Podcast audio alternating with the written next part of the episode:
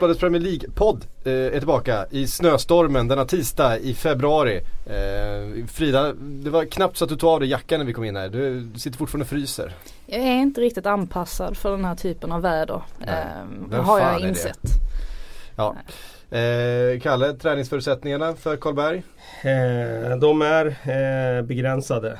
Eh, de eh, är ju ganska dåliga i, i vanliga fall i Stockholm överhuvudtaget för chanserna till att få spela under tak i den här stan för hundratals klubbar är ju ja, minimala. Så att um, det, det, är lite kämpigt just nu.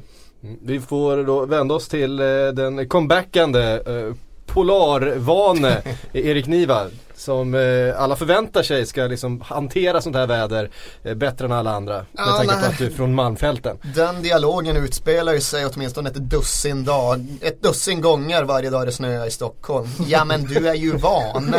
och svaret är ju alltid detsamma. Ja visst, jag levde i det här och värre i 18 år. Så jag ska väl inte behöva ta mer skit nu. Det Nej. borde väl räcka vecka. Mm. Det är inte så att man blir härdad och liksom anpassad till kylan. Man blir trött. Men skiten. du, hur är fotbollsmöjligheterna uppe i Malmberget eh, fram mellan i första januari till första april? Alltså det är väldigt svårt att bedriva organiserad träning. Vi har ju en konstgräsmatta som vi var väldigt tidiga med men den brukar inte bli uppskottad förrän i mars någonting. Ja, eh, men vi spelade ju alltid fotboll, spelade ju fotboll på rasterna vintrarna igenom. Men då spelar man ju bara med vinterdojar på trampad snö. Och det underlaget är det inget fel på. Det är ganska jämnt och ganska förlåtande. Men det är väl lite som man kan prata om att konstgräs är en typ av fotboll, inomhusfotboll är en annan typ av fotboll. Snöfotboll är en tredje kategori och det är väl kanske inte heller den fotbollen som anpassar en för spel på kontinenten framöver.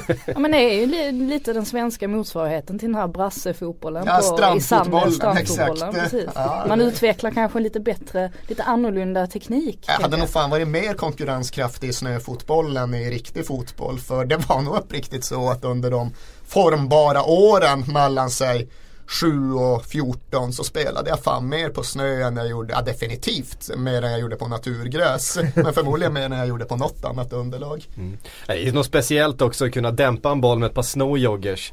Eh, det är bra dämp i dem. Ja, det är det. Aldrig De är förlåtande faktiskt för första touchen. Verkligen. Eh, det är inga slalompjäxor som vi brukar eh, skämta om här. Eh, man blir inte härdad, man, eh, men man bör, borde inte behöva stå ut med mer. Är det en rak parallell till Arsenal-supporterna som vi eh, fiskar upp här i inledningen? Eh, det är lite motigt att vara Arsenal-supporter nu igen. Eh, du var, var du där i, igår Frida? Va? Eh, ja, det var mm. jag. Um, så jag, jag har fått uppleva väldigt mycket miserabel miserabelhet, kan man säga så mm. ens? Eh, en, en jobbig Arsenal-vecka har det varit. Ja, det har ju det. Och jag tror att den här Östersundsmatchen, det var väl den var ju förlåtande om något egentligen. Alltså det var ju inte som att de drog jättestora växlar av att de förlorade mot Östersund eftersom att de trots allt gick vidare. Men eh, efter den här finalen mot City så nu, nu tror jag att det, de flesta börjar känna att eh, hur, ork, alltså hur mycket orkar man egentligen, egentligen ta innan det, innan det rinner över. Mm. Eh, och den här veckan ser ut att kunna fortsätta eh, ungefär på samma tema då när man ska möta Manchester City eh, på torsdag igen då. Vi kan väl gå tillbaka Kalle till eh, ligacupfinalen och eh, det vi fick se. Alltså första tanken som slår en är att ett lag ställer upp med eh, Callum Chambers och ett lag ställer inte upp med Callum Chambers och det laget som inte ställer upp med Callum Chambers borde rimligtvis ha bättre chans att vinna matchen. Så är det väl. Samtidigt kan du ju peka på hela elvan och krasst konstatera att Arsenal har inte någon spelare som skulle gå in i City startelva. Och det är ju någonstans där som man får sätta ribban för vad kan man förvänta sig av dem. Jag tycker att de gör det bra utifrån sina förutsättningar i ja, en halvtimme.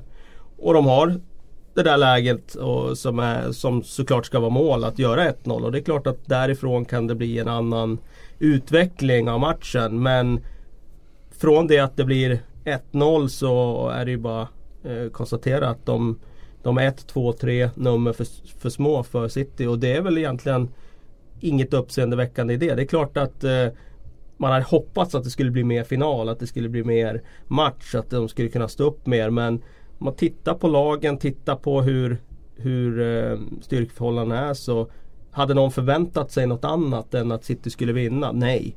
Eh, hade de förväntat sig mer eh, av Arsenal? Ja. Men eh, eh från det att det blir 2-0 så ty jag tycker inte det är jättekonstigt att, att den känns avslagen då matchen. För vilket lag tror vid läget under, underläget 2-0 mot Manchester City att de ska ha en väg tillbaka in i en match. Det är inget lag i Premier League som tror det. Nej. Och uh, allra minst Arsenal med tanke på hur vi vet hur mentalt svaga de är. Um, och nu ska de mötas på torsdag. Och det är nästan så att den matchen knappt betyder något. Poängmässigt så är den helt ointressant känns det som. Ja faktiskt, det är en uh, oerhört ovanlig topp 6 match på det sättet. Dels att den spelas på en torsdagkväll vilket i sig kommer göra att det känns lite apart och lite undanskymt.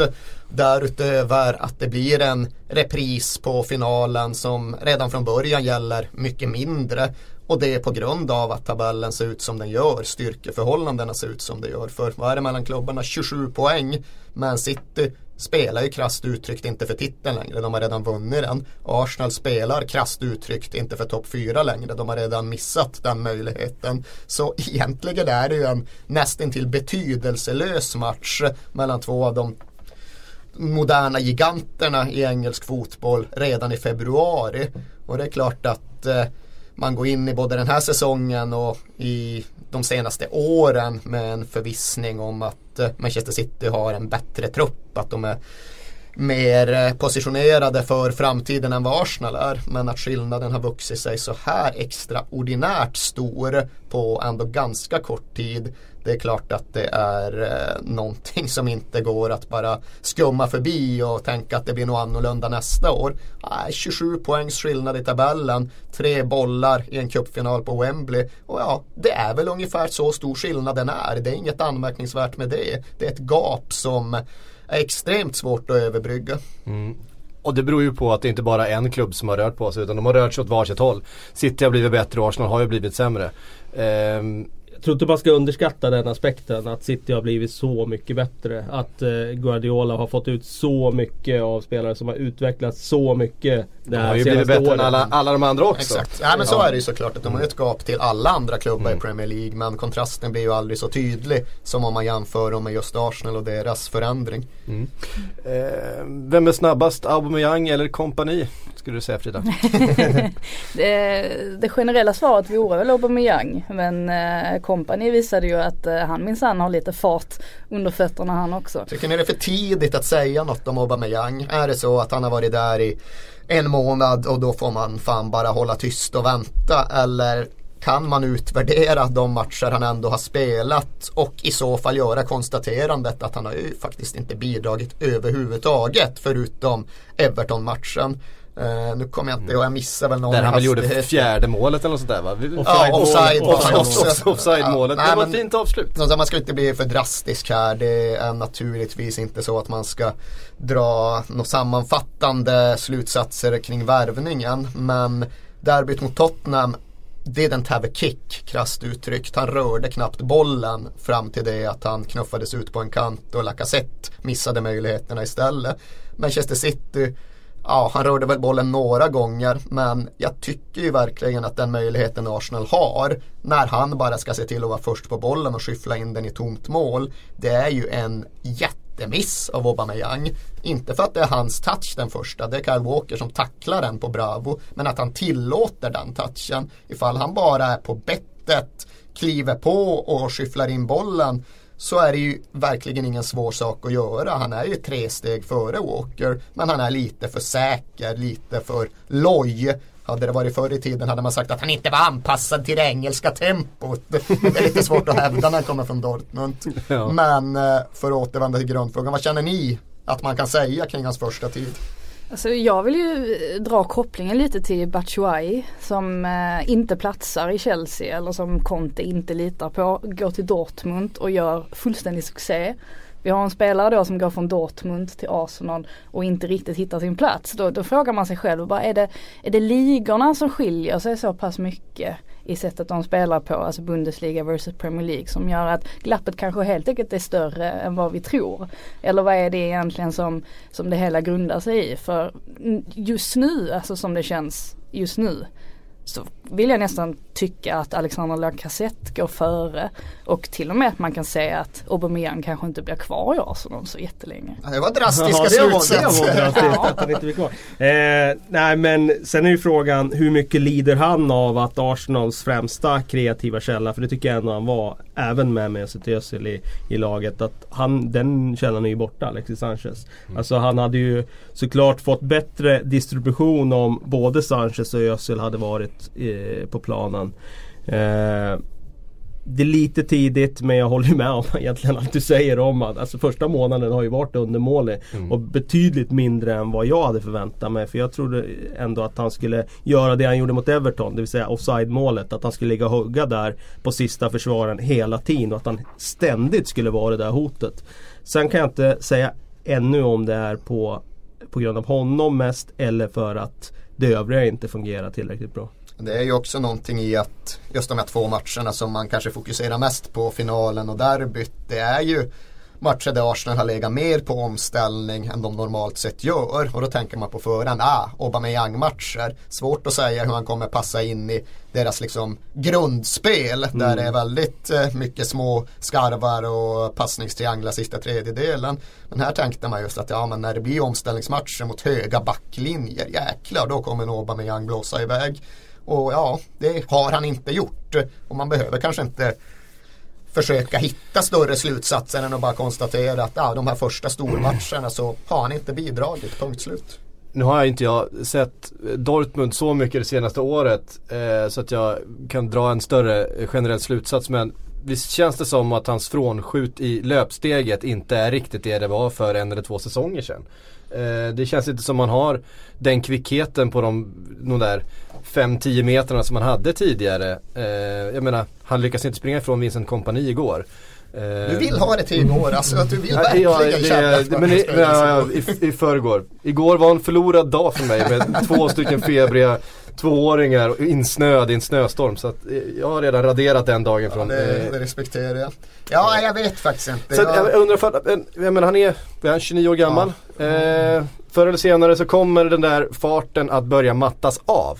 Är det det vi har börjat se? Är det liksom det att han själv inte har kunnat skruva på sin egen fotbollshjärna för att anpassa sig efter att han är den där halvsekunden långsammare än vad han var för något år sedan. Jag vet inte om han är det. Liksom, jag har sett en del Dortmund och jag tycker han har blåst iväg något alldeles våldsamt i många av de matcherna. Men jag tror ju tveklöst att Även om vi inte är vid den punkten ännu, även om den där kompanilöpningen var någon typ av tillfällighet eh, så kommer vi ju komma dit. För precis som du säger, han ska fylla 30 och även om eh, det finns gott om sprinters som vinner OS-medaljer långt upp i 30-årsåldern. så kommer han ju stå inför den typen av förändring. Och där kommer ju frågor för det finns liksom inget i hans karriär och hans spel så här långt som får mig att tro att han liksom har den spelförståelsen och den fotbollshjärnan och blir en mer droppande spelare. Utan jag tror att Aubameyang kräver, han behöver sin exceptionella snabbhet. Hela hans karriär är byggd på den och skulle den försvinna så då är det nog inte en eh, absolut världsforward längre, det kan jag inte säga. Jag eh, vill bara skjuta in i sammanhanget att eh, det är ju också lite vanskligt sådär att bygga en tes på en enskild löpning.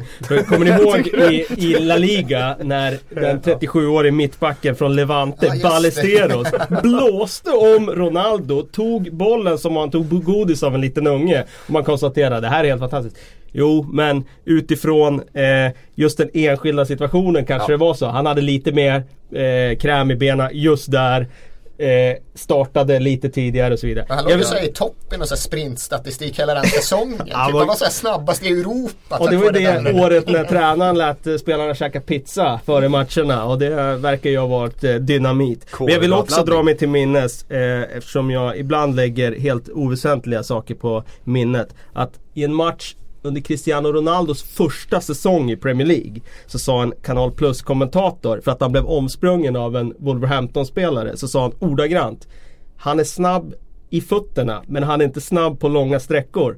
Mm. Och ja, jag skulle nog säga så här att det var också lite förhastat eh, att dra den slutsatsen. Framförallt med tanke på att Ronaldo hade bollen. Framförallt med tanke på att han hade sprungit en viss sträcka innan den här löpningen, duellen startade. Eh, så att ja. Och var det någon spelare igår som var motiverad, eller igår, nu säger jag också igår bara för det. I förrgår. Så vi kan radera en dag från Precis. mänsklighetens medvetande. I söndags. Eh, var det någon spelare som var motiverad och så var det ju säkert Company eh, också. Ja, eh, verkligen. Han, han, var förmodligen den som, som allra helst ville ha den där eh, titeln. Eh, ja. Så det kanske också kan eh, kan eh, förlåta Aubameyang lite grann. Jag passar på att skjuta in det är ju speciellt nu i och med att eh, Fredrik Ljungberg har börjat sitta i Viasat-studion och man kan prata med honom både före, efter och under matcher. Och jag tror det var under matchen, jag tror inte det var någonting som faktiskt gick ut i studion men när vi diskuterade, jag tror apropå Aubameyang och muskelfibrer högre upp i åldrarna. Ja, men olika typer av snabbhet och liksom gamla Arsenal-minnen. Och de hade ju tydligen väldigt eh, avancerade mätmetoder redan då. De kunde just mäta snabbhet över fem meter. Mm. Vilket man tror att ja, men det är omöjligt att göra. Det handlar ju bara om reaktionstid och den blir godtycklig på något sätt. Ja, men de hade sensorer som gjorde att eh, de verkligen kunde mäta snabbheten snarare än starten. Och där var ju Fredrik Ljungberg mycket belåten med att han var tydligen snabbast på 5 meter i det mm. Arsenal-laget. Thierry Henry var snabbast över 30 meter. Men just 5 meter var han allra snabbast på. Och det är ju någonting som normalt sett är ganska svårt att kunna att konstatera. Att det är så korta löp så att eh, Eh, eh, liksom underlaget för att dra de slutsatserna är svårt att hitta. Men Arsenal hade det, Ljungberg var snabbast. Det märktes ju om man ser tillbaka och det var ju någonting som han hade oerhört stor nytta av. Just den där snabbheten på väldigt korta distanser. Det är klart att den är utslagsgivande i en sport som fotboll, Spelet sista tredjedelen. Men det var bara liksom intressant att kunna konstatera och höra. Mm. Eh, vi ska återkomma eh, mer till eh, lite av den eh, Premier League-fotbollen som spelades i helgen. Eh, men vi tar en avstickare Erik. Eh, jag tänkte vi skulle prata lite grann om eh, din kommande vår. eh, och, det är tröjdags! Ja det är tröjdags. Ah, Välkommen tillbaks från föräldraledighet får vi väl säga. Ja, tack, tack. Så här tack, en, tack. Ja, vad vi är en 20 minuter in i avsnittet. Eh, för det är ju så att du ska ut och åka med eh, alla dina, vad är det, typ 700 tröjor? Något, något ditåt har det blivit. Det är inte bara jag, du Nej, ska med. Jag ska, du ska faktiskt, med, jag ska, det ska ska. Jag ska faktiskt följa med. Eh, och besöka Bära tröjor eller? jag ska, ska du göra? Jag ska, jag ska bland, bland annat bära tröjor. Bära tröjor, bära galgar, hänga grejer. Kasta in folk, kasta ut folk. Ja, precis. Ja, det är mycket, mycket på Partick Sykslo. Du, du, är, du är en sån där utkastare, inkastare från de gamla charterorterna. Så det är den Partick Syk är tour manager. Jag är allt i allo. Eh, jag, ska, jag ska Ja vad jag ska göra, jag ska göra allt. Ja du ska fan i mig göra allt. Eh, typ. Och helst, kanske hälsa någon välkommen också. Ja, eh, försöka leda ett samtal. Ja du ska göra det du gör här också. Du ska leda samtal och prata fotboll. Det är ju en väldigt stor del av det vi gör på de olika orterna.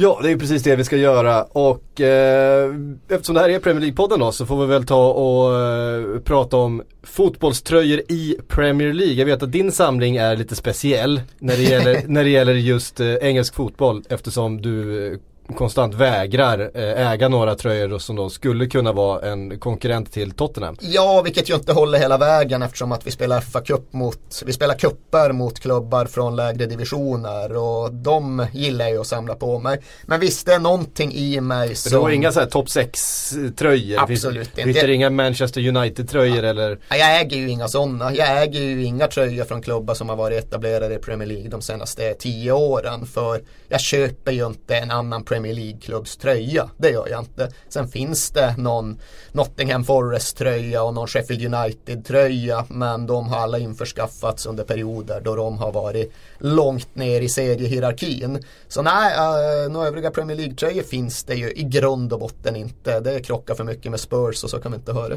Nej precis, jag noterade när vi hängde dem förra gången, för vi gjorde det här i, i november ju. Mm. Eh, på Färgfabriken här i Stockholm. Eh, det var Brighton tröja såg jag någon och Watford-tröja såg jag en eller två. Ja, Watford har jag redogjort för tidigare mm. att jag bodde där på 90-talet och att det därigenom blev någon typ av andra klubb som jag gick och såg när inte Tottenham spelade. Men det har blivit mycket svårare i takt med att de har varit uppe en hel del i Premier League. Det var helt otänkbart, de låg i tredje divisionen då. Mm.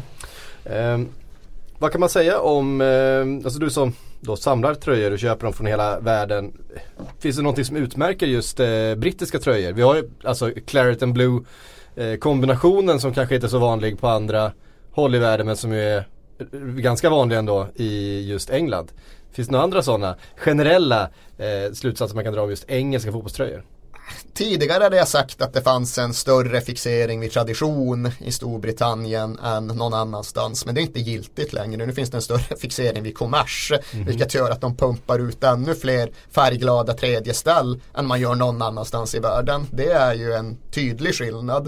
Uh, men nu är ju ingenting heligt längre. Southamptons tröjor är inte ens randiga längre. De är uppdragna i några konstiga fält. Och det är ju beklagligt. Men jag skulle ju på allvar säga det att det mest utmärkande med dagens engelska fotbollströjor det är ju att de är så inriktade på försäljning. Det kommer tre ställ om året. Det kommer olika färger som eh, är så uppenbart uttänkta att riktas mot en viss publik. Och det är ju en ganska deppig sak att säga men det är ju ingenting som eh, skär sig med den övriga analysen av hur Premier League-klubbarna fungerar. Nej. Finns det någon tröja som eller någon, någon, klubb just nu som du känner extra för? Någon tröja som du letar efter eller som du skulle vilja ha till din samling från eh, England? Brittiska tröjor är ju så lätta att komma över så vill jag ha någon så skaffar jag ju den. Det är liksom inte Partisan Minsk från Vitryssland detta. Nej men det jag kan säga för frågan kommer ju alltid uppstå och den får gärna fler förhålla sig till. Men ja, favorittröjor. Och där känner jag ju starkt för att de jag verkligen gillar, det är inte en specifik årgång, liksom 1996 bortaställ, utan det är ju de klubbar som just har en tydlig estetisk tradition som de någonstans håller fast vid. Och de gör ju avsteg de jävlarna, men jag tycker ju att QPRs hoops, liksom de mm. tvärrandiga, blåvita, liksom den grundmodellen är svårslagen. Blackburn med liksom de två Eh, de två fälten på hemmatröjan uppdelade i en blå halva och en vit halva. Det är också så karaktäristiskt för just dem att jag gillar det. Bristol Rovers har ju också något liknande fast de har fyra kvadrater på sin hemmatröja. Och just de där grundmodellerna som är unika för en specifik klubb. Eh, det är de jag känner starkast för. Säg QPR, Blackburn och eh, Bristol Rovers. Så går man inte fel. Nej. Um, det finns också klubbmärken eh, som ändrar sig. Jag tänkte vi skulle lyfta upp det. Vi har inte pratat om det här. Leeds haveri med sitt eh, klubbmärke häromveckan. Eh, kan ju bara såga det lite grann. Det försöket att göra någon slags MLS-ifiering utav ändå ett ganska klassiskt eh, liksom grepp med eh, blomman där. Eh, Yorkshire, Yorkshires Yorkshire, vita ros. Precis, Yorkshires ros. Eh, ja, vi, bara, vi bara konstaterar att det, det där funkar inte speciellt bra med, eh, var det en hand på bröstet? Det såg nästan lite så fascistoid ja, ut. det såg märkligt ut. Ja men det är väl lite så att det är så mycket som förändras i, i klubbarna nu och särskilt i England och det är så mycket som, som handlar om pengar och så vidare. Att eh, Jag tror att supportrarna någonstans känner att just klubbmärket varför kan de inte få ha det för sig själva? Eh, jag tänker på Juventus nu här om året när de ändrade den här klassiska loggan. Det har ju ändå fallit ganska väl ut skulle ja, jag säga Juventus. Börjat, eh, men det är ju det som är så, så roligt också med, med människan att, att till slut så anpassar man sig och bara accepterar det. Man är jätteförbannad i början men så går det en liten tid och sen så vänjer man sig till slut. Speciellt just med klubbmärken att eh, vi alla går runt med den där bilden av att ja, de är beständiga, de är det tydligaste tecknet på mm. hundraåriga traditioner. Men alla klubbar har ju andra sina klubbmärken under ganska täta intervall. Mm. För att numera finns det ju den här bisarra situationen att de måste göra det för att bevara sitt patent. Mm. Ifall man inte gör det så är det någonting med, jag vet inte om det är brittisk eller internationell lagstiftning som gör att vem som mm. helst kan börja mm. använda det och trycka upp sina egna souvenirer. Så, så klubbarna byter ju sina eh, badges med regelbundenhet mm. av krasst kommersiella skäl även där. Och det tänker man ju knappt på men kollar man klubbmärkena i högsta ligan från början av 90-talet så är ju alla utbytta, förändrade, modifierade. Arsenal hade ju den extremt spräckliga varianten av eh, kanonbakgrund och ja, men Tottenham, Man United, you name them. Alla har ju bytts ut eh, av just den här anledningen. Och det är liksom, det tränger man undan på något sätt, man glömmer bort det. Mm. Ja, det är det väl lite en... Copyright-lagarna helt enkelt. Du har ju Ja. Det är väl ett visst lite- antal år. Det är väl lite en romantisk föreställning också från supporters del. Att, att man vill att någonting i ens klubb ska vara genuint genom alla de här pengamassorna.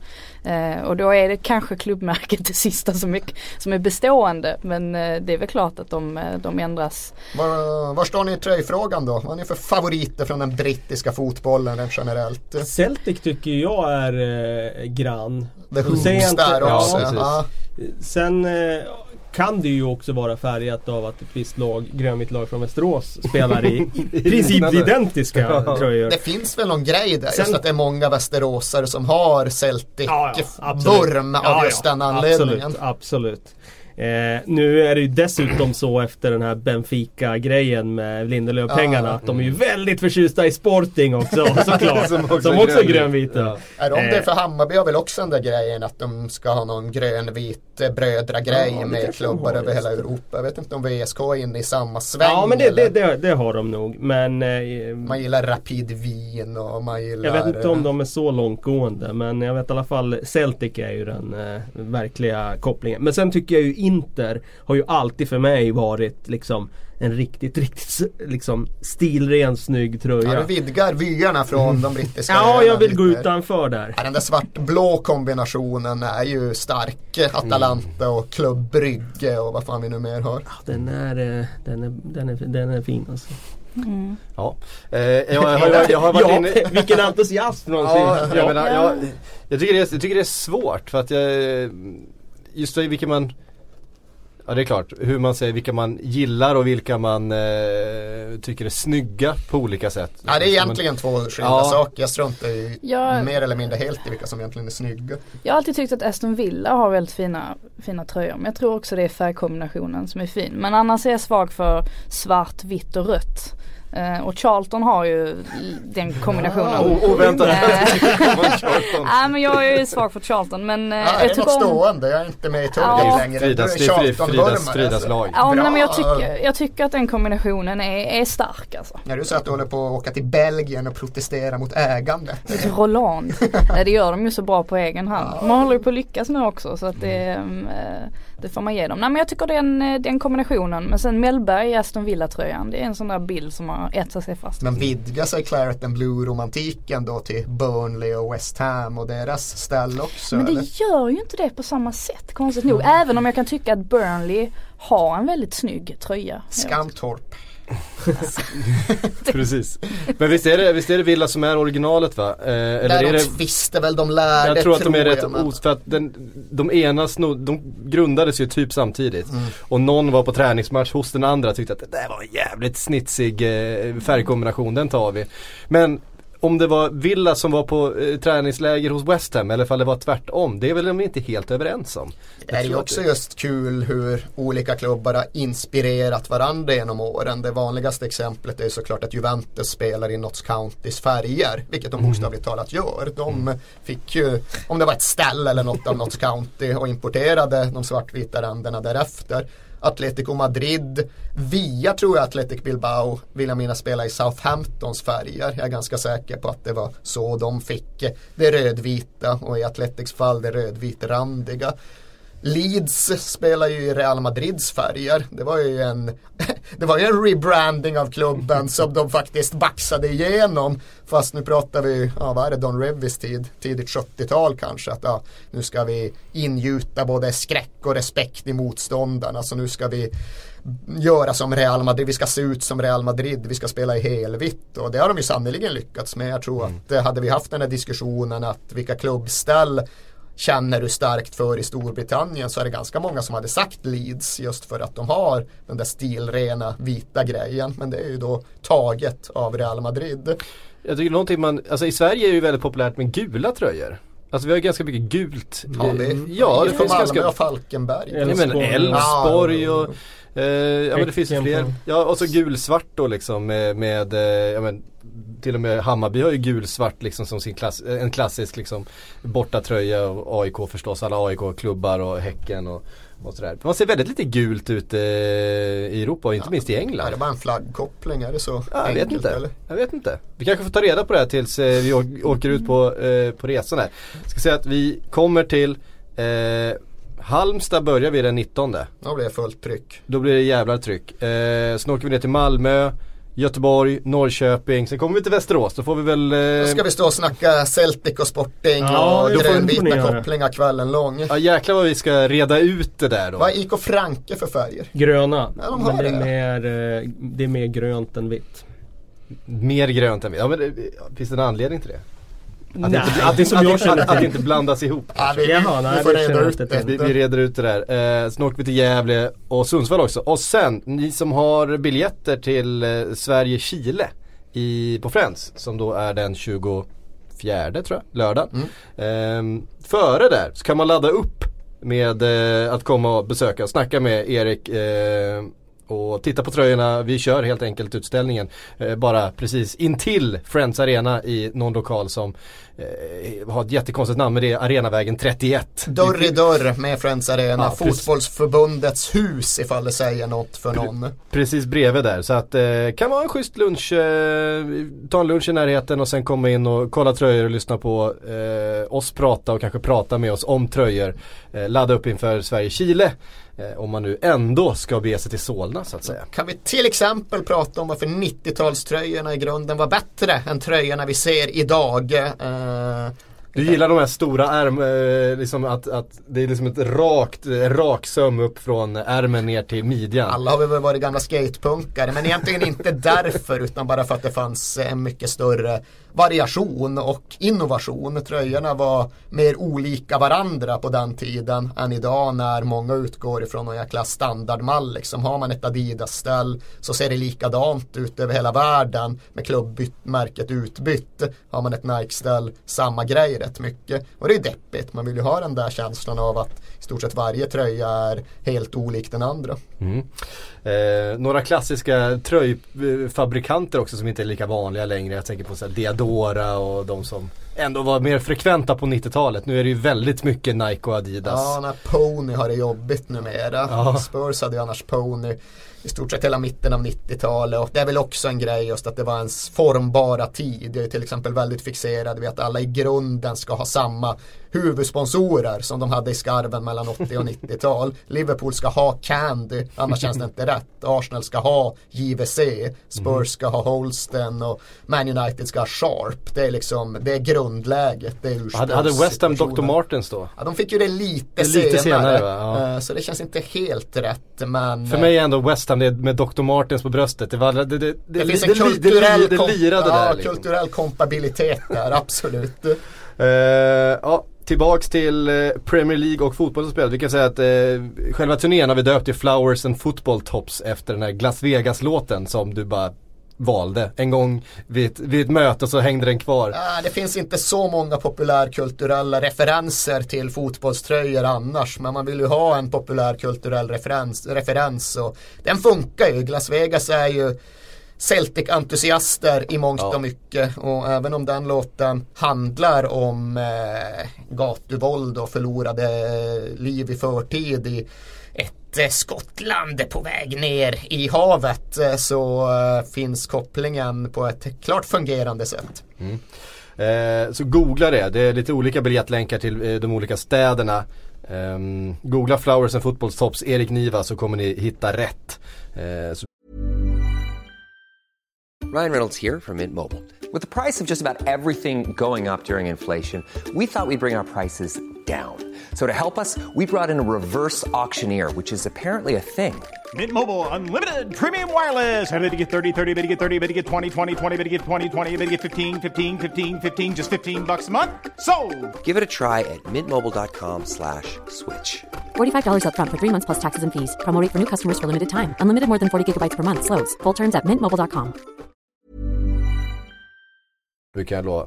Eh, vi hade en, eh, ett riktigt stor möte som betydde desto mer för den där topp 4 striden. Eh, också i söndags då, som då inte var igår utan i förrgår. När Manchester United tog emot eh, Chelsea på Old Trafford. Och där fanns det narrativ du Kalle, eh, inför att prata om. Det var Mourinho mot Conte, det var Matic och Mata och så vidare mot sin gamla klubb.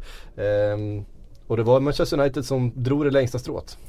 Ja, eh, mycket inför handlar ju som sagt om Conte Mourinho. Man hade väl trott att det skulle slå mer gnistor om det mötet. Eh, Nej, de höll sig oerhört, jag, jag trodde eh, inte liksom- riktigt på det där som Mourinho sa om att han har grävt ner stridsyxan och sådär. Jag Han det skulle- gräver aldrig ner en strids- Nej, stridsyxa alltså, skulle jag vilja påstå. Nu vann ju hans lag så nu tror jag att han liksom, ja men då är han lite tillfreds. Då behöver han inte göra några stick. Hade det slutat med borta seger då tror jag att han hade eh, skakat liv i den där fejden på något Mm. sätt igen. Ehm, jag tyckte det var en sån där match som eh, ganska symboliskt för Manchester Uniteds säsong. Att eh, de är inte bra men de, på något sätt karvar de fram ett resultat ändå. Första halvlek så tycker jag Chelsea är strået bättre. Och United har ju inte så mycket eh, chanser och framförallt inte ett spel som eh, känns synkroniserat. Sen i andra halvlek så är de ju bättre än vad Chelsea är. Och det beror väl delvis på att Chelsea kanske inte riktigt får till det också. Men de är ju tunga på något sätt ändå United. Eftersom de ligger där de ligger i tabellen. Och ändå är känslan att de spelar inte speciellt bra. Men ändå vinner de och får med sig de där resultaten. Och antingen är det för att de, är, eh, att de har mycket individuell kvalitet, vilket de har. Eh, eller så är det för att de helt enkelt är stabila eh, på ett liksom organiserat sätt. De är fortfarande ett lag som, som tränas av en tränare som är väldigt duktig på att organisera defensiven. Mm. Jobbet nu bara att vi måste hitta en annan grej att prata om kring Lukaku. För att vi har ju ändå gjort en väldigt stor grej av att han aldrig eller väldigt sällan lyckas mot de stora lagen. Mm. Och så helt plötsligt så kliver han fram mot Chelsea och, eh, och levererar. På tal om, på tal om narrativ och, Ja, och så vidare. Ja men man gillar ju spöken och sådär liksom. Mm. Någonstans där man kan dra en parallell. Sen kan vi tycka att eh, det inlägget han slår mot Lingard väldigt passivt försvarsspel där från Chelsea också. Det är nästan som att de, de liksom bara släpper honom och bara låter honom slå det. Man har sett Christensen som vi har hyllat med all rätt väldigt mycket den här säsongen har ju haft ett par junior eh, moment den senaste veckan som man ju har när man är 21 år gammal och ska vara liksom högsta ansvarig för att ingenting ska liksom rinna igenom det där eh, försvaret. Eh, det kommer ju hända men där, där står han ju onekligen på hälarna.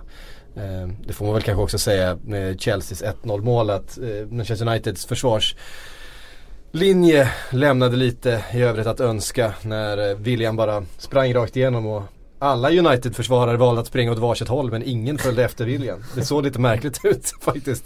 Ehm, Framförallt Young som sprang iväg och täckte en överlapp som inte kom eh, när bollen gick åt något helt annat håll. Eh, undrar man lite vad som, men det går fort ibland och besluten ska fattas. Eh, McTominay måste vi lyfta upp. Eh, som har ändå kommit in i eh, det här Manchester United-laget. Och kanske liksom gjort en plats till sin eh, på något sätt. Åkte på den lite otacksamma Herrera-uppgiften då från förra säsongen att eh, punktmarkera Hazard. Eh, gjorde det rätt bra. Ja, det, jag tycker inte det är en otacksam uppgift för hans del. För att det är ju egentligen hans sätt att motivera Hans roll för att motivera att han startar. Det är ju att få en dedikerad uppgift och, och som i det här fallet då följa Hazard eh, i varje moment. Och det gjorde han ju väldigt, väldigt bra tycker jag. Han var ju vilsen där vid målet. Eh, så han får ju delvis ta på sig det. Eh, men i övrigt tycker jag att han gjorde det riktigt bra. Och det är lite typiskt att Mourinho när han väl släpper fram en ung spelare, vilket han inte har gjort så mycket i sin karriär tidigare. Då är det den här typen av soldat som kan gå ut och göra ett, liksom en specifik uppgift. Och eh, ja, i ett Mourinho-lag så har han en funktion att fylla när det ska delas ut den typen av uppdrag. Det finns ju en hel del funderingar att ha kring Mourinho-laget och egna mer eller mindre unga spelare. Ja, hur Ja, blir så det? ung är ju inte McTominay. Han är är väl 96 Ja, nej, Ja, men det är ja. ju ungt med Premier League-mått. Ja, absolut. brukar prata om det där just att det är speciellt när det kommer fram en ung brittisk spelare, McTominay eller Mm. ja, säg Harry Winks. Man tänker att nu debuterar de i ligan så då är de väl 17-18. Nej, det är England det här så Mm. de är 21-22. Det är ju i stort sett så att de som inte har gått ut på lån väldigt ofta, de har ju förlorat tre år i sin utveckling mellan sig 17 och 20. Och det gäller ju både McTominay och Harry Winks ifall man nu ska ta de exemplen. Men nu tänkte jag mer resonera kring, ja, Dels vad som hände med Marcus Rashford som ju mm. sannoliken känns ganska långt ifrån en startelva helt plötsligt. Dels hur de ska göra med Jesse Lingard som ju gör segermålet igen. Som ju är den spelaren i hela Man United som har varit mest utslagsgivande de tre, fyra senaste månaderna. Men som kanske har svårt att passa in i den 4-3-3 som väl behövs för att både Pogba och Alexis ska komma in och verkligen funka. Så vart tar allt det där vägen? Är det över för Rashford nu i Mourinhos Man United? Kommer han få in Lingard i en startelva on merit? Eller kommer det få lov att fortsätta vara 4-3-3 och Alexis och något enstaka inhopp sista 20 för Lingard? Det blir väldigt spännande att följa den närmsta sex veckors perioden eller så. Mm. Vi får nästan vända oss till dig mm. Kalle för, för, för, för, svar på de här ja, frågorna. Jag tror inte det finns några enkla svar men det, det är återigen, vi är tillbaka till det där att de de hamnar ju hela tiden i den här typen av problematik. Om det nu ska kallas problematik. Det, det får man väl ändå säga att det, det, är när en spelare som Rashford, egenfostrad, så stor potential som han har visat under två år, hamnar så pass eh, i kylan som han har gjort nu sen, sen nyår. Eh, det kommer alltid finnas de där eh, liksom avvägningarna och eh, liksom utmaningarna för att få alla att eh, liksom fungera. Och sanningen är krass. Han kommer inte kunna få allting att fungera. För det är inte spelare som är handplockade till en specifik roll i elvan som City har värvat spelare.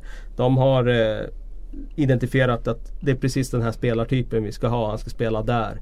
Och visst, han kanske inte spelar varje match, Bernardo Silva. Men när han spelar så kommer han ha den här rollen. Eh, United är mer att det, det, nu blir det en bra spelare ledig, vi får chansen att värva honom och då värvar vi honom och så får tränaren lösa problemet. Och då blir det det här. Jag, man kan ju koka ner det till precis det du säger. För att Pogba ska fungera, då måste han ha den där rollen i 4-3-3.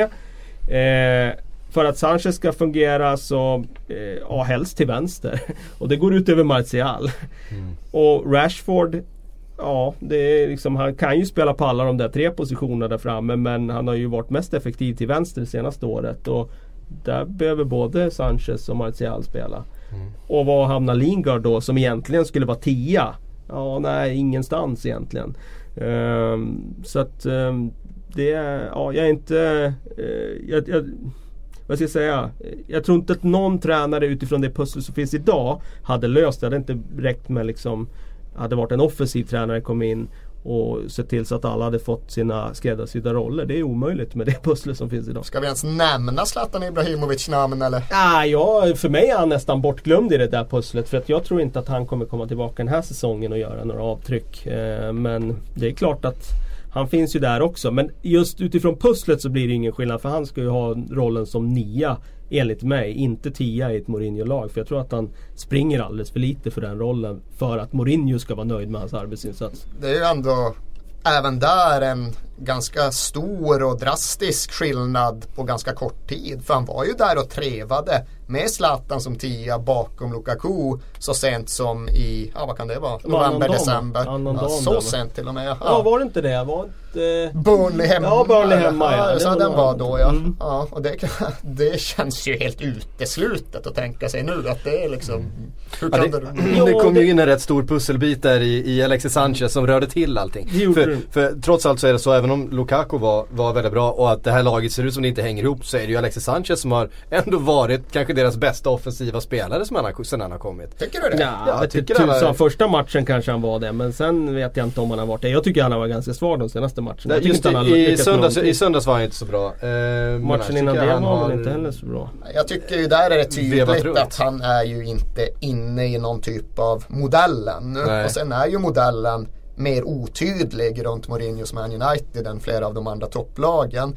När det blir så att Alexis spelar för sig själv, spelar sin egen match, vilket ju händer ganska ofta, då kan han ju bli väldigt ineffektiv. Då blir det väldigt mycket borra ner huvudet eh, fram till antingen bolltapp eller skottläge. Och det har väl funnits sådana tendenser att eh, det inte känns som att han är del av ett spelsätt riktigt ännu. Utan han är mer bara Alexis som fräser på så som han själv gör. Mm.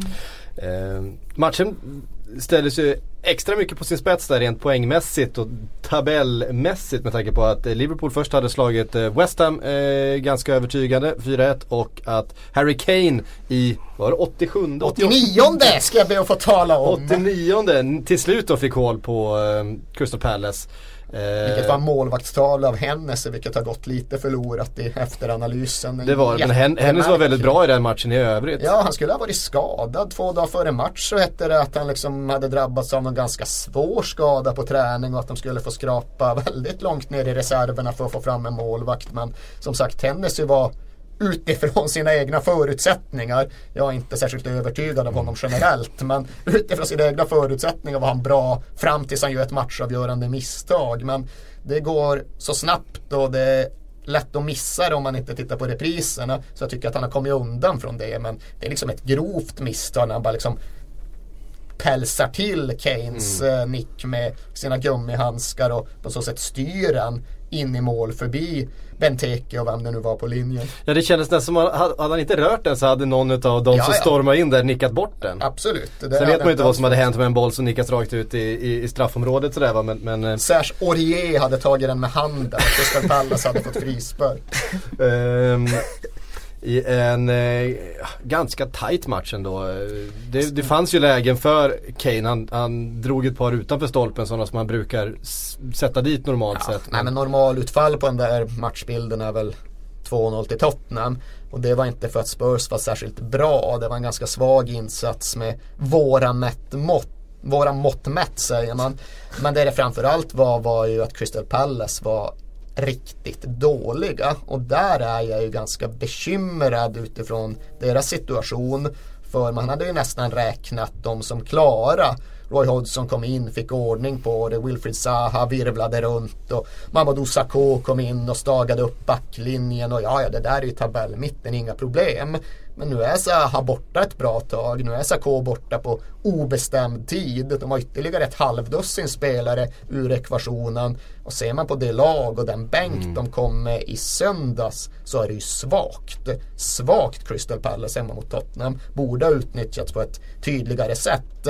Men jag tror kanske att en stor del av sammanfattningen blir den här oron för att ja, ska Crystal Palace spela med de här spelarna på det här sättet utifrån det här tabelläget då kommer det bli tufft för dem. kommer det bli riktigt tufft för dem. Mm. Det kommer det bli. Det, det var några intressanta möten i tabellbotten. Vi kommer komma eh, titta lite närmare på det eh, om en stund. Där. Men jag tänkte vi skulle nämna norrmannen. Nu tappar jag hans namn bara. Sörlott. Sörlott.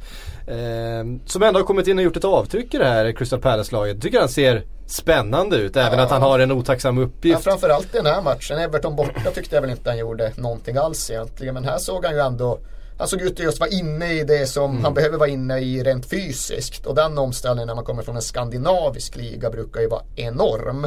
Man kan prata just om Aubameyang och Batshuayi och Bundesliga kontra Premier League och Tempo. kanske få lite olika slutsatser. komma från Danmark till... Komma från Danmark till Premier League. Då kan man ju se ut som att man överhuvudtaget inte är i närheten. Det gjorde inte Sörlott. Han Nej. hade liksom någon form av muskulär snabbhet och mm. han tog lite plats och gjorde lite avtryck i straffområde och sådär. Så det är en stor pojk. Det är en stor pojk. Rätt fibrer. ja, det kanske är så. han, har, är så. han har ganska fin teknik också. Eh, notera. Men han känns ju inte som en, en, en, spelare som gör sådär jättemånga tvåfotsfinter på en match. Men eh, han var inte helt lätt att ta bollen ifrån. Men även här är liksom även Aubameyang-underlaget är litet ännu. Sörlott-underlaget är ännu mindre. Men jag märker ju att eh, ja, men många andra med dig, med oss, får ändå det, ja men det såg lite intressant ut. Ja det kanske inte var så dumt med 150 miljoner ändå. Nej. När värvningen först gjordes upplevde man det som helt hårresande högt. Ja. Och nu liksom ser han okej okay ut i en löpduell mot Eric Dyer. Ja, ja, ja, kanske. Ja, ja, ja, så, sån är man. Um, vi, vi, har inte nämnt uh, hattricket i den matchen. Orier, ja, vi har nämnt Orier. Jag tycker allt är underförstått. Alltså det är ju, ja. det är fantastiskt. Jag tycker det är helt fantastiskt. Alltså, och de det... är så jävla dåliga de inkasten också. När man ser reprisen. Han är ju, han är 30 centimeter upp i luften med fötterna. Det finns ju någon väldigt bakvänd typ av mental styrka i att vara kapabel till att kasta fel en tredje gång efter att ha gjort det två gånger tidigare och blivit häcklad för det. Ja, men jag bryr mig fortfarande inte. Ah, The man don't give a fuck liksom. Och det är ju det är ju så jävla konstigt att det är svårt att inte häpna. Då ska man ju veta att domare drar sig ofta lite för att beivra ett felaktigt inkast. Ja, det är liksom för det, pin. Ja, ja, verkligen. alltså ibland ser man ju felaktiga inkast. Hela Framförallt tiden. på, ofta är det ju det att de lyfter ett ben. Ja. Eh, och så struntar de i det. Ja. Men eh, ja, och det måste ju ändå ha tagit emot lite hos domaren. Eller var det tvärtom att han verkligen ville sätta dit den en gång till? Nej men det, det, är ju- det är tredje- ju också just På det. tredje liksom. Du har åkt dit på det en gång, ja, men då håller man väl fan still fötterna nästan. Nej men då åker du dit en gång till på det. Men det är precis som du säger, han bryr sig inte. Jag menar en, en normal hjärna hade ju sagt att Ja, eh, ni får ställa er lite närmare den här gången för nu får jag faktiskt stå still med fötterna annars blir vi av med det här inkastet. Nej nej, nej nej. Men är inte det också lite signifikant för hur Aurier är som person? Ja, det, Det är, han, det är hans personlighet att eh, inte riktigt bry sig. Ja, det finns ju, vi inom Spurs-lägret kan ju göra någon form av parallell till Benoit Souekoto som också verkligen struntade i vilket både på och utanför plan. Men kastade han fel inkast? Nej, det han kan var, inte minnas att han Nej, det gjorde. kan men han var ändå Men jag, sådär jag köper att, din parallell där. Ja, Aurier, Han brydde sig ju inte heller. Aurier har ju det där, han, eh, han har ju inte varit lyckad totalt sett.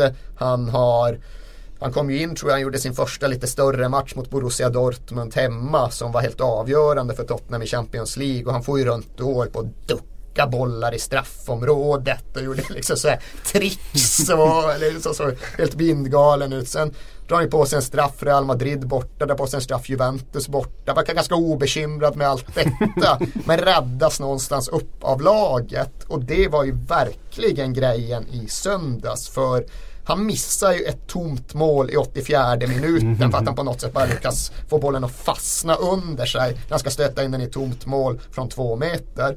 Och under de fem minuter som ligger mellan den missen och Harry Kanes segermål så växer det ju fram ett ganska bottenlöst raseri riktat mot Serge från en väldigt stor del av Tottenham-knutna människor. Och som sagt, han bryr väl sig inte. Han struntar väl i vilket. Han bara kör på så. Han hade kanske inte påverkats. Men hade den matchen slutat 0-0 så hade hans status i klubben varit underminerad på ett sätt som jag faktiskt tror hade varit svårt att reparera. Nu gör Kane segermålet och nu är det här med de felaktiga inkasten. Det är liksom en ganska festlig kuriositet. Det är något man så här kan kolla tillbaka och garva åt. Och det gör att Aurier på något sätt får någon lite sån här kult aura runt sig. Men återigen, hade den där matchen slutat 0-0 Inget kult, inget kul, hat, alltså det här men på fullaste allvar. Och det hade varit problematiskt för honom. Jag tror att det kommer bli problematiskt för honom oavsett vilket. För jag, han hittar som sagt inte riktigt rätt in i detta hyperambitiösa och jättehårt arbetande Pochettino Tottenham. Men nu, ja. Är det, en jätte, är, det en, är det en stor eh, chock för dig att det, har, att det har blivit så här? Alltså när övergången först blev aktuell så kommer jag ihåg att jag twittrade att jag vill absolut inte ha Serge Aurier till Tottenham. Jag vill mycket hellre genomföra säsongen med Kieran Trippier och Kyle Walker-Peters.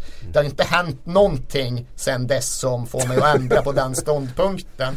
Det är klart att han inte är oduglig Aurier. Han är ju trots allt en bättre högerback än vad Kyle Walker-Peters är. Men allt handlar inte om det faktiskt. Jag var förvånad över att han ens kom in i, i landet. Alltså överhuvudtaget för han hade väl något besöksförbud i England. Ja, nej, det var ju så att eh, hela övergången hängde precis på detta under det sista dygnet. Skulle han lyckas få den där juridiska proceduren rättvänd för sig själv. Och det var inte alls självklart på något sätt. Men ja, på något sätt baxar klubbjuristerna igenom det. En lag för fotbollsspelare och en lag för alla andra. Så är det i väldigt hög ut- utsträckning på många sätt. Eh, Liverpool tog emot eh, West Ham, eh, körde över dem 4-1. Eh, var inte jättemycket att säga om den saken. Jag har inte sett eh, matchen i 90 minuter. Jag har sett lite grann av den. Men eh, det jag sett var ju imponerande av Liverpool. För de satte Ja. ju verkligen West Ham på test från första minuten. Ja det får man säga. Salah hade det där, eh, bollen i stolpen precis i, i, i början. Och då känner man att shit det där var ju målet som skulle gått in tre minuter in, Salah gör mål. Ja, då vet vi hur det brukar vara. Då är det liksom över och då måste laget flytta upp och anfalla och då blir det ytor och sen så blir det 4-0. Nu vart det 4-1 ja, då till slut ändå. Mm. Jag ska inte dra några paralleller i övrigt men kopplingen från Serge Aurier känns inte så svår att göra. Jag såg inte heller matchen ska jag erkänna men jag hörde att Patrice Evra var både lat och dålig. Är det korrekt? Han var både lat och dålig och ehm, ja med tanke på hat från läktaren ja, så hade han inte sin, sin... Berättigat eller ej kan ja, man väl skjuta Ja det, det, där, det kan man väl göra men det räcker med att, att han är Manchester United eh, profil eh, och legendar så blir man... Är han legendar? Ja det får man väl ändå säga. Han gjorde han har vunnit rätt mycket med det där jo, Manchester United. Det är det många som har gjort. Det har David May också gjort. Andersson. Fan Jesper Blomqvist mot David May på Nya Ullevi eller Ja, Nya Ullevi heter det väl fortfarande. 93.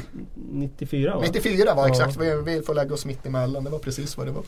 Ehm, och sådär. Nej, eh, Arnautovic hade en oerhört eh, lurig lobb i ribban som eh, Karius faktiskt får ett finger på. Det var det farligaste de hade och sen så gör ehm, eh, Mikael, eh, Mikael Antonio ett eh, ganska fint mål. Hur känner var... ni för West Ham då? Behöver de oroa sig för nedflyttning? alltså det man, det man det blir lite för, för man lyssnade på David Moyes inför den här matchen. Han sa att ah, det bästa sättet att möta Liverpool det är att anfalla. Ja, han har 14 matcher på Anfield utan seger Ja, men han har väl aldrig vunnit det typ på, på Anfield. Då blir man så här att försök. om det är, är något sätt att vinna mot Liverpool så är det ju att inte anfalla. Det är ja. ju att verkligen, verkligen, verkligen inte anfalla. Men gick de ut och anföll sen då? Alltså de ställde inte upp sådär superlågt. Ja. Det gjorde de ju inte. De, de, de blev ju nedtryckta. De hade ett bollinnehav på typ så här, 17% eller någonting efter första halvtimmen. Um, så att de vart ju rejält nedtryckta. Men de försökte ju, alltså Arnautovic försökte de ju ställa om på. Um, och han gjorde det ju han är ju ganska bra form Arnautovic så att han, han eh, var inte helt ofarlig när han väl eh, fick bollen. Äh, men... att, om man nu har sagt så Mois, det är ju lite märkligt. Om man tänker, alltså hur Swansea lyckades rubba dem så var det ju just det där att få Liverpool att inte spela sitt eget spel. För så ja. fort man tillåter det så är det ju ganska En, form, ganska en Formel 1-bil står ju faktiskt också still i en trafikstockning. Som ja just det, som sa. Ja, eh, men jag, jag tycker att när, när Liverpool spelar som de gjorde nu mot, mot West Ham så så, är det ju ett av de absolut roligaste lagen att, att titta på. Um, jag tycker väl egentligen det enda laget som kanske är, ja men som, som ligger på samma nivå är möjligtvis Napoli. Alltså just sättet de, de trillar boll emellan varandra. Uh, det är fantastiskt roligt och uh, och visst de åker på de här dipparna ibland just för att de spelar på det här sättet. Men eh, fotbollsälskaren i en tycker att det känns okej okay ändå. Eh, jag vet inte hur det känns som supporter men jag tycker det känns okej okay att åka på lite bottennapp ibland för att se den här typen av fotboll för att det är så stort underhållningsvärde på det. Swansea borta kändes okej okay, ah, nej, Swansea borta kändes inte okej. Okay. West Brom hemma i någon, in, inte, okay. någon, inte någonstans men, men jag kan ju hålla med, jag, jag håller ju verkligen med dig. Jag skulle hellre eh, spela sig. Det är ju det man har liksom ändå det är anti-Benites på något sätt. Eh, Hur skulle du väga den här upplagan mot eh, det sista Brendan Rodgers-laget, alltså Gerard Halka-laget ifall jag ska vara sån? Eh, 13-14-laget som vi väljer att kalla det då istället. eh, det här är ju klart bättre. Eh, jag tycker det här är bättre. Men det är klart, tittar man på det, den anfallslinjen som var då, om vi sätter upp en frontfemma där så var det Sturridge, eh, Suarez, Sterling, Coutinho och Henderson var det ju rätt ofta då. Eh, och Henderson som var en av de bättre i det laget. Det är klart att det var ett jättebra lag också. Men det känns som att det här hänger ihop på något sätt.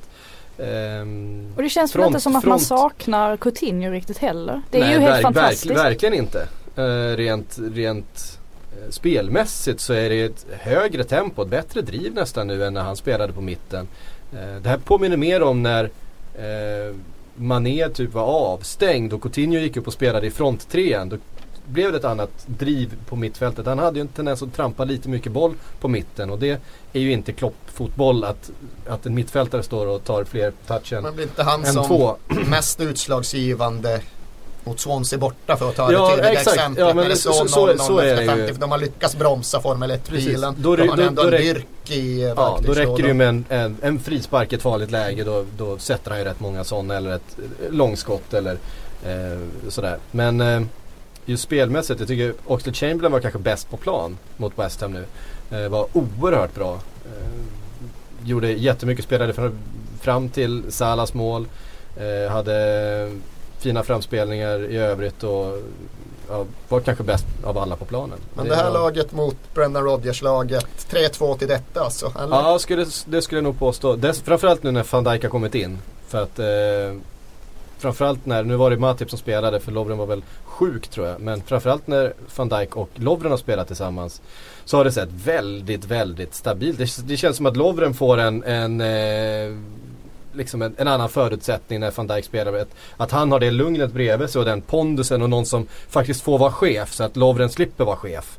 Någon som säger åt honom att shit nu, nu står du kvar här, nu springer du inte iväg på den här idiot löpningen. Och skulle han göra det så finns det någon som har förutsett att Lovren ska tappa huvudet. Kanske lite mer än vad Matip gör som blir lite bolltittande ibland. Eh, så att ja, det, det Jäm, jämfört då med, med eh, Sak och eh, Skertel som det kanske var i, i mittbacks. Kan inte det också nu, det trodde man kanske inte att man skulle säga för två och en halv månad sedan. Men att även jämförelsen mellan ytterbackar talar ganska starkt till den här upplagans fördel. Absolut. Det var väl John Flanagan, jag kommer ja. faktiskt inte ihåg vem som spelar vänsterback. Ja, det var Flanagan ofta vänsterback. Okay, ja, ja, Flanagan spelar vänster men det var ju också Ali Cissoko som nu är... Var han ordinarie i det laget? Ah, ordinarie var han ju inte men han spelade ju en del. Så var det ju också då som nu är i Newcastle va? Eh, att, José att, Enrique eller? ja, José Enrique var ju där. Eh, men så var det också på lån då väl eh, den här unge spanjoren som de lånade in från Atletico Madrid. Eh, som jag nu bara tappat namnet på. Ja fan jag också. Och sådär. Ja, Nej, men det, det var detsamma. Men det är ju slående ja. hur, ja, framförallt då hur bra det har blivit på vänsterbacken. Ja. Robertson kan skena fram och slå sina inlägg Precis. och bidra med den energin. Och, och Alexander Arnold har ju gjort den Alltså högerbacken till sin nu. Liksom. Jag hörde han var riktig. Jag såg som sagt inte matchen men jag tyckte Klopp pratade på ett Eh, upp, jag noterade hur han pratade om Alexander Arnold efter matchen. Dels var det att... Dirt, dirty crosses. Det, det, är det bästa för, ordet jag hört på, ja, på han länge. Han var alltså. en gatufotbollsspelare och sådär. Ja. Sånt gillar man ju alltid att höra. Men just dirty crosses. Vad, vadå smuts? Hur är ett smutsigt inlägg? Du som har sett detta. Vad fan menar karln? Nej jag tror att, jag tror han menar, ja alltså de är framförallt inte de här eh, han slår ju inga höga inlägg utan de kommer ju alltid väldigt, väldigt, väldigt hårda och väldigt flacka. Ja, in med, med, med, bra, med bra liksom med bra knorr på dessutom så att de dyker ofta in även om de är Nej, Kevin... Sällan är två och en halv meter över marken. Men så Kevin De Bruyne inlägg, inte för att jämföra dem i kvalitet. Men Nej, ja, för... men mer åt det hållet och han gillar gärna att, att slå dem liksom. Men de känns ju rena, de känns inte dirty. Nej, jag vet, nej, jag vet inte hur, hur dirty, vad, riktigt vad det kommer in. Men det är ett kul ord, dirty crosses. Ett oerhört, eh, ja som sagt man stannade till vid det uttrycket. Det är ganska ofta den här språkförbristningen har varit till Klopps eh, nackdel ja. den här säsongen får man ju ändå säga. Det har ju hänt mer än en gång. Ja. Jag tyckte det var fantastiskt kul när han var inne i den perioden då egentligen all hans utvärdering bottnade i huruvida saker var cool eller not cool. Ja men det är ju fortfarande det han använder. That's not, that's not too cool. not too cool säger han om saker som han inte gillar. Det jag lovade, hur var det? Äh, not cool. Det är not cool. Man är cool. Eh, och eh, vad, hur ställer ni er till no look goals? Ja, Firmino, har gjort det till, till, sin grej nu att han rullar in dem och tittar åt ett annat håll. Jag ser väl inte riktigt poängen om jag ska vara traditionalistisk men jag går inte i spinn heller. Det, det, det lirar ju med hans personlighet om vi nu pratar ja. om personligheter och att inte bry sig. Men det där är också någonting som säkert kan växa till en fixering för det skär sig någonstans med den traditionella engelska fotbollskulturen på ett sätt. Det är till exempel blev en jävla palaver här om året när Ross Barkley jublade innan han rullade in bollen. När det mm. stod 5-2 mot något lag, jag kommer inte ihåg vad det var. Men just det där att man uppvisar en arrogans som kan upp upplevas som disrespectful när man gör mål. Den kvoten kan ju absolut Firmino sugas in i när han fortsätter mm. sådär. Det absolut. var väl lite så också när han gjorde sitt mål mot Hoffenheim och han drog ner byxorna eller vad han gjorde. Ja, han, det finns ju ingen som har så var... utstuderade målfiranden som Firmino för att de ser ju väldigt sällan likadana ut. Han har ju sin klassiska då där han Han brukar ju någon gång per säsong ta av sig tröjan och få ett gult kort. Och sen Han så, brukar ju köra den här liksom springa han- bakåt och pistola med händerna Ja, också. men sen är det ju väldigt mycket att han, han har referenser till andra spelares, alltså gamla idolers eh, som man inte känner till. Kan, han har plockat så här spelare från brasilianska ligan som han gillade. Nej, så, det gillar jag. Så har han ju det visste jag inte. plockat upp eh, sådana så att man har inte alltid koll på Men vad var det ju mot Hoffenheim? Hans gamla Hoffenheim? Nej men det var väl? Ronaldinho? Någon Ja, det var någon parallell till honom.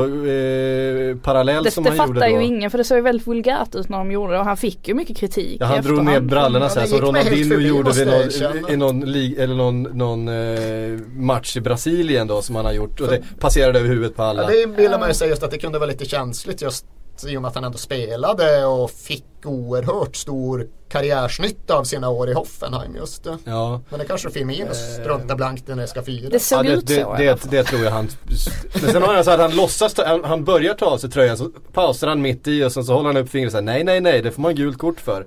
och, det, och då måste man ju komma ihåg att han fick gult kort för det eh, för inte så länge sedan. Så det är också en klassisk, eh, sen hade han ju capoeira-sparkar Ja. som var en, en parallell till någonting som jag inte hade koll på heller eh, i Brasilien. Är Sadio Mané med på alla de här turerna? För att Ja, han det är det brukar ju roligt imitera att, de ja, flesta. han, han, kom, han kommer ju fem meter bakom och gör, och gör en halvversion av allting som Vet han gör. vad han gör? så att Nej, ingen aning. Det var väl ett av säsongens mer virala klipp när någon satte ihop det. Det hade ju flera miljoner visningar såg jag just. Men där känns det just som att man är ju bara, han är bara glad. Ja, ja, och det gillar man ju. Jo, att det de är där är glada när andra Men är det finns ju då lätt, alltså jag gillar ju för sig om det är så här historiska kopplingar till gamla hjältar från Carioca-mästerskapet i Brasilien. Det gillar jag verkligen. Då är det någon form av så kulturell Ja, passning. han blandar allt möjligt. Han, Annars det finns det något som- någonting i det alldeles för utstuderande firandet som man även där är lite gubbig i och tycker att det blir för mycket. Man vill ha Alan Shearers jävla arm i luften och sen tycker man det är bra. Och då gillar man ju kanske mer Mané som bara är så aningslöst glad. Han drog ju till med, med capoeira-sparkarna igen nu i, när han gjorde mål mot, mot West Ham. Då, fiskade han upp sin gamla imitation från eh, helgen innan. Eh, och det var ju inte för att Firmino hade gjort det innan. Så där, då fick han feeling igen och gjorde Firminos från förra veckan. Eh, ja, är... Mané orkar inte gå tillbaka i den senegalesiska historien så jävla mycket för att gräva i de firandena. Jag tror han har ingen koll på det. Eh, sådär, ja. För det var, eh, nu kommer man väldigt långt ifrån fotbollsplanen, men allt det här att både Mané och framförallt Salah verkar vara ute på någon så jävla presidentiell turné runt alla Liverpools områden. Så det finns ju inte en, en timme av vardagen då det inte klickar in nya bilder på när de är med något barn någonstans, fotas med någon faste någonstans, står i mataffären, står utanför moskén. Måste Mm. vara Premier Leagues absolut mest eh, plåtade spelare när man ser till liksom vardagslivet utanför arenorna. Jag vet inte ifall han är lite rastlöst lagd eller vad det är som är grejen men det är precis så. Det har ju just det där skojats om att han är ute på en presidentkampanj här. eh, jag vet inte riktigt vad grejen är. Han tror han tycker det är kul. Det känns som att det har eskalerat också senaste Ja, veckorna. Det är men som så har sagt det ju också- en bild i timma. Vad gör Salah nu? Ja, nu är han där nere på baken. Han passar på nu när han är het. Han Ja. vet ju att det kommer torrtider. Då är det inte lika kul att vara ute och ta selfies liksom. Ehm, jag, jag vet faktiskt inte. Men, Det finns ju men- något i kontrasten där också som blir väldigt roligt när det är just Salah eller eller Mané som står med någon så här just rödhårig, tandlös scousertant liksom. Det är ju, det är ju kul. Ja, det, Men, man, det är men man, kan, man kan väl tänka sig också att säkert att Salah, säkert några egyptiska journalister som, som bara följer honom Säkert, hela tiden. ja, Precis som med Son, att det är sydkoreanska journalister så som har bara han följer. sett eh, George Weah nu som har blivit liksom President. president. president. Alltså jag lovar, om Salah skulle ställa upp i presidentvalet i Egypten så skulle han ha en hyfsad chans i, imorgon. Ja, liksom. nej, där finns det någonting och det tror jag verkligen kommer växa inför och i samband med VM att han ja, inte bara har blivit Egyptens nya farao som man måste säga utan han verkligen har blivit någon typ av så här hoppingivande figur för hela arabvärlden. Ja. Det är ju inte för stora Han är ord. en jättestjärna. Alltså Ja. det går inte under understate hur, hur stor han är i Mellanöstern och Nordafrika. Eh, Mohamed Salah. Alltså han är Jag tror det- utan tvekan Liverpools största stjärna. Är en svår, en svår marknad att kapitalisera på. Ja. När du kommer med dina jävla gamla patenterade klubbmärksregler till basaren i Bagdad så får du jobba liksom. De kommer nog mejsla fram en del piratkopior ändå. Ja, det- det kan nog komma en och, en och annan. På ja. tal om matchtröjor och replikas. Exakt. Eh, ja, eh, absolut. Sen eh, Eh, vi skulle ju ta ett grepp om eh, bottenstriden istället. Nu jävlar, eh, klockan sprang iväg. Det blev lite extra långt här. Jag vet inte hur bråttom du har Kalle. Du ska Nej, med en, vi, en vi resa. kan köra lite Du skulle med något tåg eller? Jag ska med det tåg, men kommer jag inte räknar gå, med att det är försenat. Du räknar med att det är försenat. Det är klokt. För eh, Huddersfield tog viktiga poäng mot West Brom. Så nu låter det som att Pardew också hänger löst. Ska de byta tränare igen? Ska du få en tredje West Brom-tränare den här säsongen?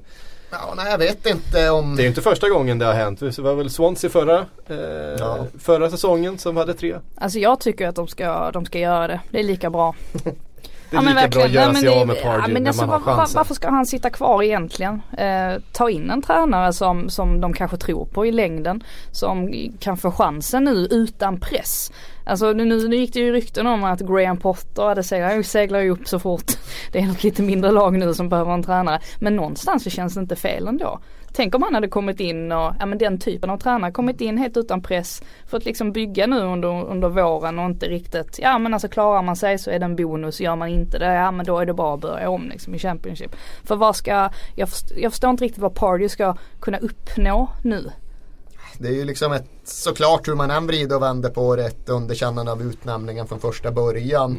Där blev det någon sån här typ av alla drogs med i samma analys när det kom äldre brittiska tränaren som fick en svitjobb under hösten. Det var liksom Hodgson och Allardyce och Pardew. Allt var bara samma sak och riktigt så är det ju inte. Det är klart att alla förtjänar sin egen, egen utvärdering. Men eh, om man pratar så om Potter och West Bromwich då är ju frågan, ja men varför skulle han ta det? För jag tror det är väldigt viktigt och väldigt vanligt att tränare på väg upp någonstans utgår ifrån det där, ja men välj inte lag, välj ägare istället. Titta på hur klubben faktiskt sköts. Om man tittar på hur West Brom sköts numera, om man jämför med det, hur det var förut med Ashworth och Jeremy Peace och sådär så känns det ju som att det är svårt att hitta en linje i besluten. Och det är väl där jag känner att man landar nu också. Okej, sparka Pard, ja ja whatever liksom. Det verkar väl inte bli någon större skillnad. Det är såklart ett underkännande av utnämningen från första början. Men okej, vad ska nästa steg vara? Var tror sig West Brom kunna locka? Vem skulle vilja gå till West Brom nu?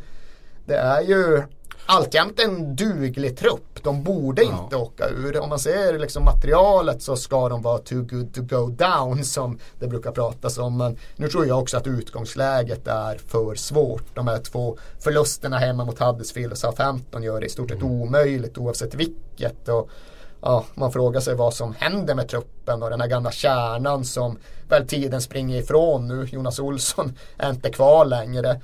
Brunt eh, bråkar, Johnny Evans snor taxibilar tillsammans med Gareth Barry och verkar vara på väg bort. Och det är många av dem som ändå var en garant för ett svårslaget West Bromwich som inte kommer gå att bygga runt framöver. Hela den spelargruppen är ju på väg ut och bort och ja, vad blir kvar av West Brom? Skulle aldrig ha släppt Stefan sen, sen dess har det gått ut för. Vart är han? Ja det är en bra fråga. Känslan är väl att han är någonstans i öst va och plockar ett bra Öst kontrakt. som i Gulfen eller öst Ja, som i... Gulfen Ja, ska okej. jag säga. Men bara för det så ska jag kolla upp Ja, det jag nu. kan passa på att dra en skröna för av någon anledning hörde jag David Moberg Karlsson prata om sin tid i Sunderland för inte så länge sedan. Och då var det just sådär att ja, det fanns ju många bra spelare, man spelade med, det var en Premier League-trupp och man ställde sig emot kanske ännu bättre spelare. Men bäst av alla, Stefan Sessignon gjorde saker på träning som var helt omöjliga Ja, att ser, föreställa sig. ser. Ja, on his day, absolut. Han är i Turkiet, i Gençlerbirliği. Ja. Det var där vi hade tio svenskkopplade spelare för bara några år sedan. Hassan Settinkaya bara Precis, skulle dunkade ner. Har han sett din karriär som agent? Han var i Montpellier i två år här, 2016 till 2018. Oho. Det är någon klocka som ringer men inte sådär supertydligt kan Mer intressant om vi har någon spelare kvar med svensk koppling i Gençlerbirliği. Kan Khalili vara kvar där? Googla vidare här på- Ja, jag jobbar på det så Ja. kan ni surra om annat. Vi eh, konstaterar att Stoke Johannes Hopf är ju där. Såklart, såklart, såklart. konstaterar... Som brukar prata Ja, om att han är bortglömd i Abdul, Sverige. Abdul Khalili. Ja. Sluta försöka byta Så- ämne nu Syrke. Det är nu det händer. Jag har ett körschema. Det är nu det händer. Ja, nej, vi, Gençlerbirliği. slä, vi, slä, vi släpper vi det. släpper Det är det. Två. Ehm, Stoke, en pinne borta mot Leicester. Kan bli viktig den pinnen för eh, ett Stoke som heller inte borde åka ut kan man tycka. Nej, de kommer inte åka ur, det tror jag inte.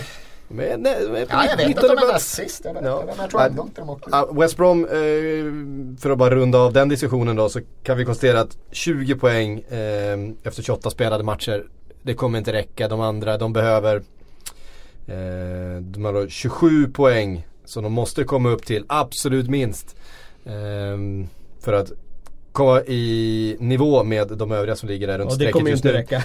Eh, och det kommer ju förstås inte räcka. 38 är som alltid den magiska gränsen man brukar referera till och det är ju nästan omöjligt att West Brom skrapa ihop 18 poäng på 10 snabba. matcher. Ja, nej. Det går ju inte. Ja, det är, det är, vi kommer behöva liksom prata om dem som just ett av de där lagen som verkligen inte borde ha åkt ur. Trupp alldeles för bra för det men grovt, grovt, grovt underpresterande.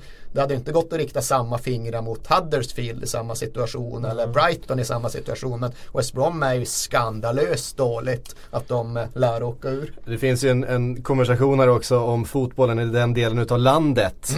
Eh, som, Den eh, numera helt kinesägda Midlands. Varenda Birmingham-klubb är kinesägd. Ja. Som en liten parentes. eh, och ingen utav dem i eh, Premier League. Det kan ju faktiskt bli så, vi får se vad som händer med Villa. Wolves går ju upp. Så Ja, det det, kommer ju bli Premier absolut. League. Men Ja. det kan ju bli blekt där. Det kan ju bli ännu blekare i nordöst. Säg om Ja. Newcastle faktiskt åker ur. Vilket jag inte kan utesluta. Då kommer det Nej. inte vara någon nordöstklubb i högsta ligan. Om inte Borough gör något helt sensationellt där på slutet. Och det Det är tragiskt faktiskt. Ja. Och då har vi nordöst, så jag menar Yorkshire, Ja, det finns inte speciellt mycket heller. mycket. Jo, Huddersfield, Ja. de kommer vara lugna.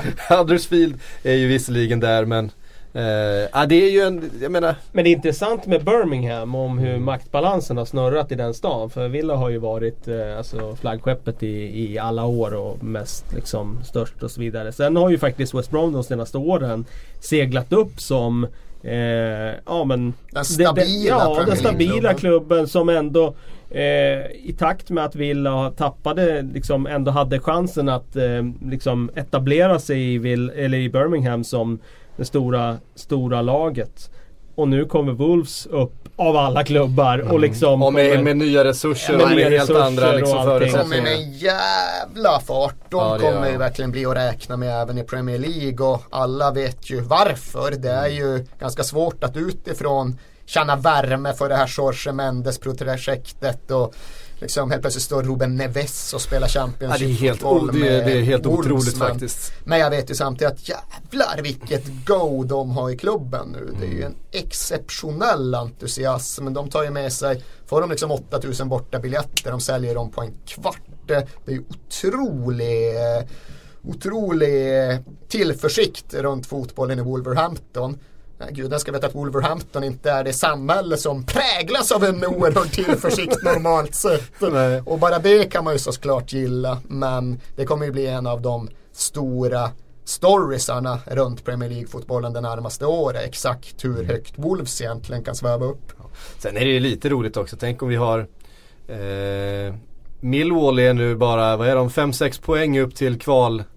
Millwall kommer inte gå upp. Det vågar jag tyvärr utlova. Det hade varit kul. Alltså men bara, bara, nej. men jag säger bara, bara Millwall i ett kval, kvalspel till, eh, det kommer bli rubriker. Apropå Midland Mot West Ham i, eh, i ett, i ett eh, Ja, Alltså, de kommer inte bli- möta, nej de kan inte mötas Kalle men att inför de, en negativa kvalet. Ja nej men att de går motsatt väg. Det var det Så de var Ja, väl precis, Millwall upp och West Ham ner. Ja. Jag tror det var apropå Midland så var det väl Birmingham City som Millwall mötte i playoff säg 2001 måste väl rimligen vara deras senaste playoff upp mot Premier League. Och det blev rörigt kan jag dra mig till minnes. Det är liksom rörigt runt Millwall. Det bara är så. Ja, de hade nu skickat ut såg jag så säsongsbiljetts eh, förnyelser, så här propåer till alla säsongsbiljettsinnehavare kring att nu är det dags. Men eh, the, ja, är det Lower Homestale den heter, den eh, mest engagerade läktaren. Där gick det tydligen inte att förnya sitt säsongskort för de kände att de var tvungna att utvärdera situationen på den läktaren. Och ja, det finns mycket att säga om sånt. Ehm, sista eh, matchen jag har tagit med på mitt körschema där, Brighton körde över Swansea. Eh, jag vet inte, vi kan bara konstatera att Brighton vann med 4-1 och det var bra för dem. Dåligt för Swansea. Eh, och Carvalhal ehm, får nog Är kämpa. det så man ska säga? Jag, jag säger inget. Det är så man, det är så man ska Alltså, säga. du är confident. Jag är helt, helt confident. Jag har, fått, jag, har fått, jag har hört en portugis uttala det nämligen. Oj, Eh, ja, då kan det inte slå fel. på YouTube. Eh, Carvalhal ska det uttalas.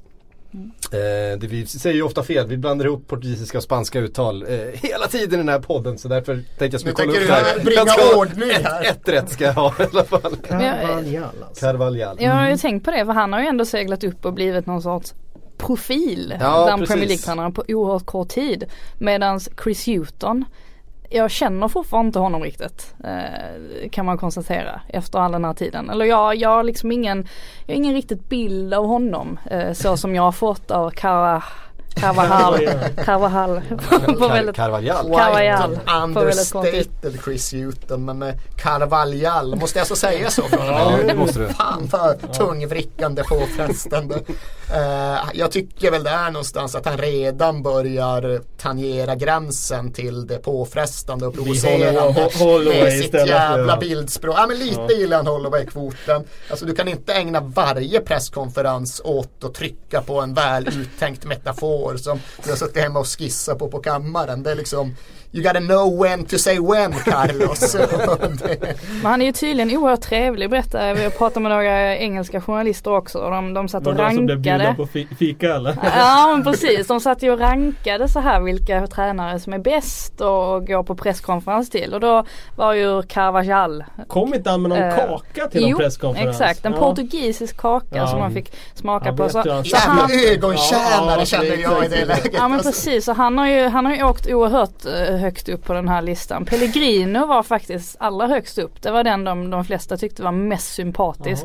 Eh, på andra plats kom Conte för att han har en årlig pubrunda. Ja det har han ju. Eh, Fan man märker så jävla lätt det är att spela på de där strängarna. Alltså, bjud på några Enfaldiga fotbollsjournalisterna, de är så jävla lätt, Det gäller liksom att kunna hantera medierna, det är en stor del av anställningsprofilen. För, ja men bjud på bärs.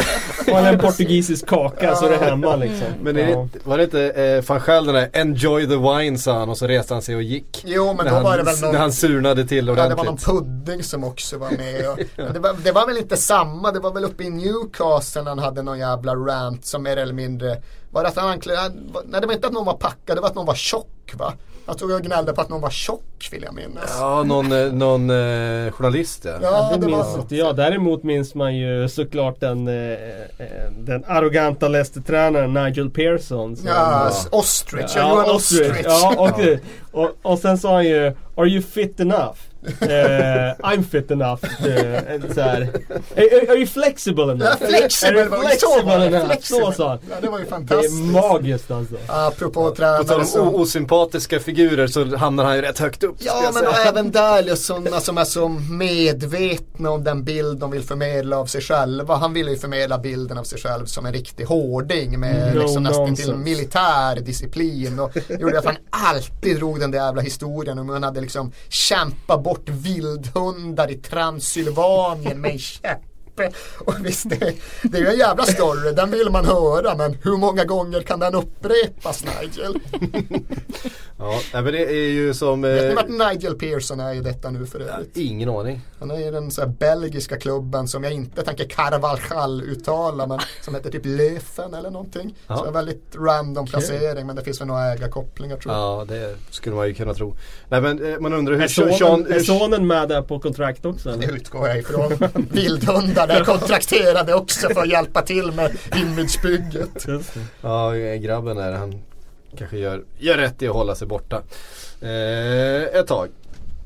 Det var faktiskt, nu tänker jag säga det igen, det var allt vi hann den här, eh, den här veckan. Fan vad det har blivit ett sånt men det var nog allt vi hann den här veckan Det faktiskt. var faktiskt nu, eh, ja jävlar nu har vi snart hållit på i en och en halv timme. Men det är också Eh. något nytt stående skämt. Att, Nej, det var någon som klagade på att jag alltid säger eh, Det var allt vi hann den här veckan Ja. som avslutningsfras.